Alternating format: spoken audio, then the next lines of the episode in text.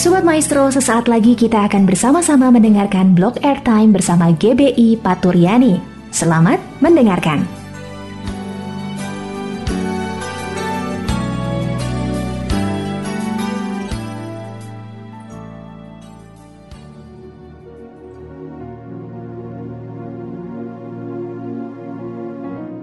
Shalom Sobat Maestro yang diberkati Tuhan Yesus Kembali saya Pendeta Pratama Yusuf Solihin menemui ruang dengar Sobat Maestro di mana saja berada sekarang ini dalam program Suara Paturyani dari GB Paturyani Bandung Cimahi. Untuk itu, mari kita memohon pertolongan kemurahan Tuhan bagi kita semua. Mari kita berdoa.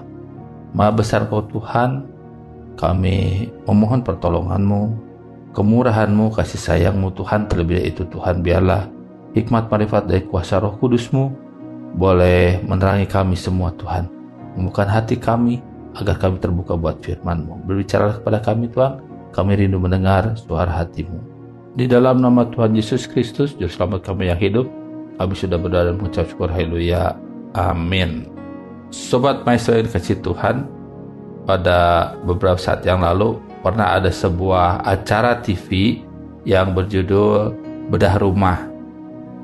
Acara bedah rumah ini ada dilakukan adalah pada rumah-rumah yang sudah rusak tetapi penghuninya tidak dapat memperbaikinya karena faktor ekonomi atau faktor lain sehingga mereka memperbaikinya. Sebelum mereka perbaiki, maka orang-orang yang menghuninya di, diungsikan dulu ke suatu tempat dan sementara mereka diungsikan, nah rumahnya itu diperbaiki ya. Dari mulai bagian rumah sampai isi rumahnya diperbaiki semua.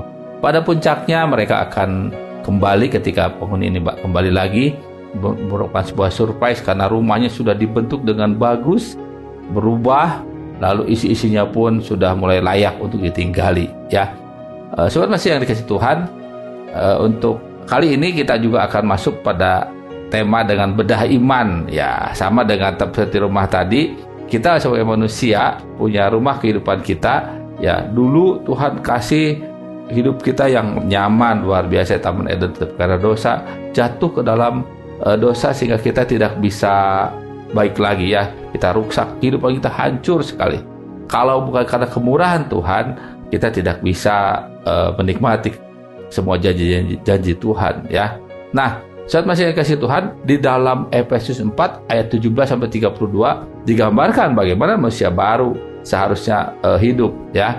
Tetapi kita lihat di ayat 17 sampai 19 uh, firman Tuhan mengatakan uh, ini adalah surat Paulus kepada jemaat Efesus bagaimana uh, kehidupan manusia lama ya. Ya kita lihat ya ayat 17 saya bacakan. Sebab itu kukatakan dan kutegaskan ini kepadamu di dalam Tuhan. Jangan hidup lagi sama seperti orang-orang yang tidak mengenal Allah. Dengan pikirnya yang sia-sia dan pengertiannya yang gelap jauh dari kehidupan persekutuan dengan Allah. Karena kebodohan yang ada di dalam mereka dan karena kedegilan hati mereka perasaan mereka telah tumpul sehingga mereka menyerahkan diri kepada hawa nafsu dan mengerjakan dengan serakah segala macam kecemaran. Nah, saat masih dikasih Tuhan, itulah hidup lama kita. Itulah manusia lama kita. Manusia lama kita dia tidak mengenal Allah ya, pikirannya memikirkan hal-hal yang sia-sia, ya pengertiannya uh, penuh dengan kegelapan, ya persekutuan dengan jauh dari persekutuan dengan Allah ya. Bahkan perasaan mereka tumpul ya. Ya, itulah kita lah kita dulu perasaan kita tumpul, tidak ber, mudah berempati, pokoknya egois lain sebagainya. Tetapi bagaimana manusia baru seharusnya? Nah, itu di ayat 20 sampai 24. Mari kita baca uh, ayat demi ayat ya. Ayat 20. Tetapi kamu bukan demikian. Jadi di sini ditegaskan bahwa kita sudah berubah seharusnya. Kamu telah belajar mengenal Kristus.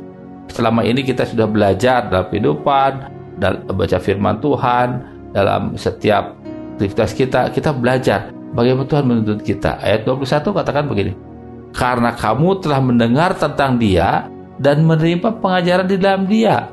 Jadi kalau kita sudah mengenal Kristus adalah orang yang sudah mendengar tentang Kristus dan menerima pengajarannya, menerima pengajarannya bahwa kita mendengar dan kita melakukannya ya. Lanjut, yang menurut kebenaran yang nyata dalam Yesus ya yaitu bahwa kamu berhubung dan kehidupan kamu yang dahulu harus menanggalkan manusia lama yang uh, menemui kebinasannya oleh nafsunya yang menyesatkan. Jadi uh, Rasul Paulus menuliskan bahwa untuk mempunyai hidup yang baru, kehidupan yang baru, kita harus menanggalkan manusia lama. Manusia yang lama yang mana? Yang tadi ya, yang perasaannya tumpul, ya, yang pikirnya sia-sia, ya, tidak mengenal Allah dan sebagainya. Itu harus kita tinggalkan. Nah, kita lanjut ya. Ayat 23. Supaya kamu diperbaharui di dalam roh dan pikiranmu. Jadi roh dan pikiran kita akan diperbaharui terus kalau kita menanggalkan manusia lama kita. Tetapi kalau kita tetap hidup dengan gaya manusia lama, yaitu dengan perasaannya tumpul dan pikirannya sia-sia dan sebagainya, itu kita tidak akan diperbaharui. Jadi tanggalkan, setelah ditanggalkan manusia lamanya, Tuhan akan perbaharui. Ayat 24 unik sekali katakan dan mengenakan manusia baru. Manusia, manusia baru yang eh, apa? Manusia baru yang ter, ayat 24 tadi katakan manusia baru yang telah diciptakan menurut kehendak Allah.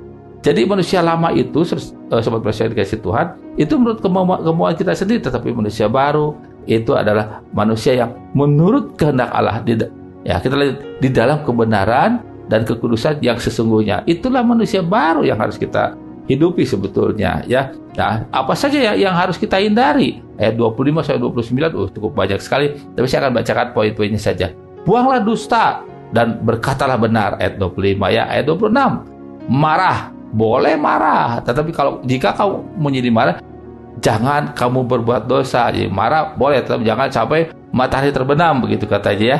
Ayat 28. Orang yang mencuri jangan dia mencuri lagi, tetap baiklah bekerja keras ya. Supaya ia dapat membagikan sesuatu kepada orang yang berkekurangan. Jadi ibu bapak saudara sekalian yang diberkati Tuhan, surat masuk yang dikasih Tuhan, kita lihat bahwa orang yang dulu pencuri, ayo dalam kehidupan baru sebagai manusia baru beda. Karena sudah menanggalkan manusia lama sekarang memakai manusia baru ya. Yang jahat jangan jahat lagi berhenti bertobat ya, tetapi bekerja keras ya lalu ayat 29 katakan bahwa janganlah ada perkataan kotor dari mulutmu. Ya jadi perkataan kita memuji Tuhan memuliakan Tuhan ya. Nah ayat 30 ini saya bacakan lengkap ya.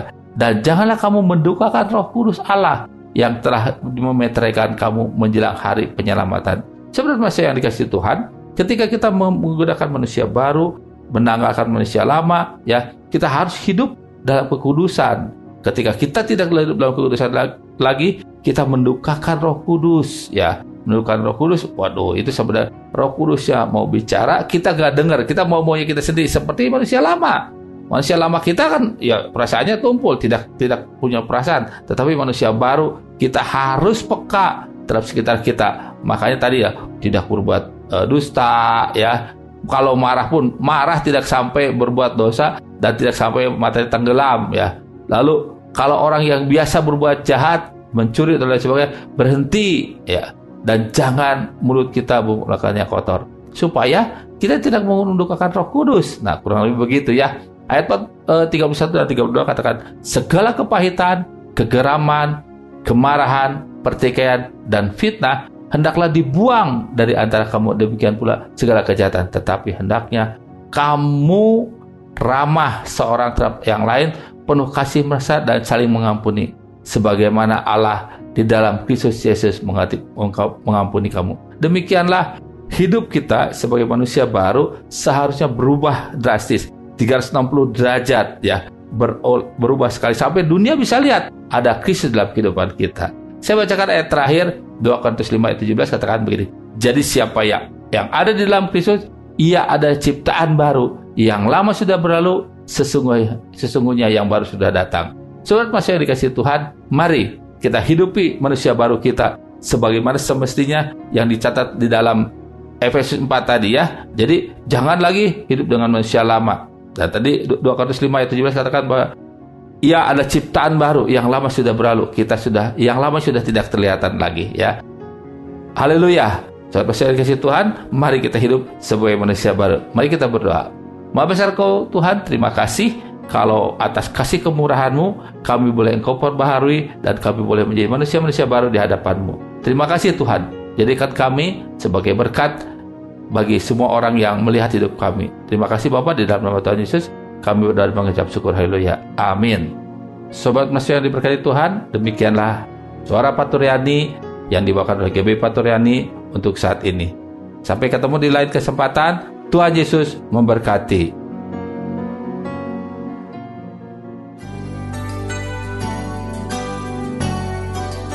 Sobat Maestro, kita baru saja mendengarkan blog airtime bersama dengan GBI Paturyani.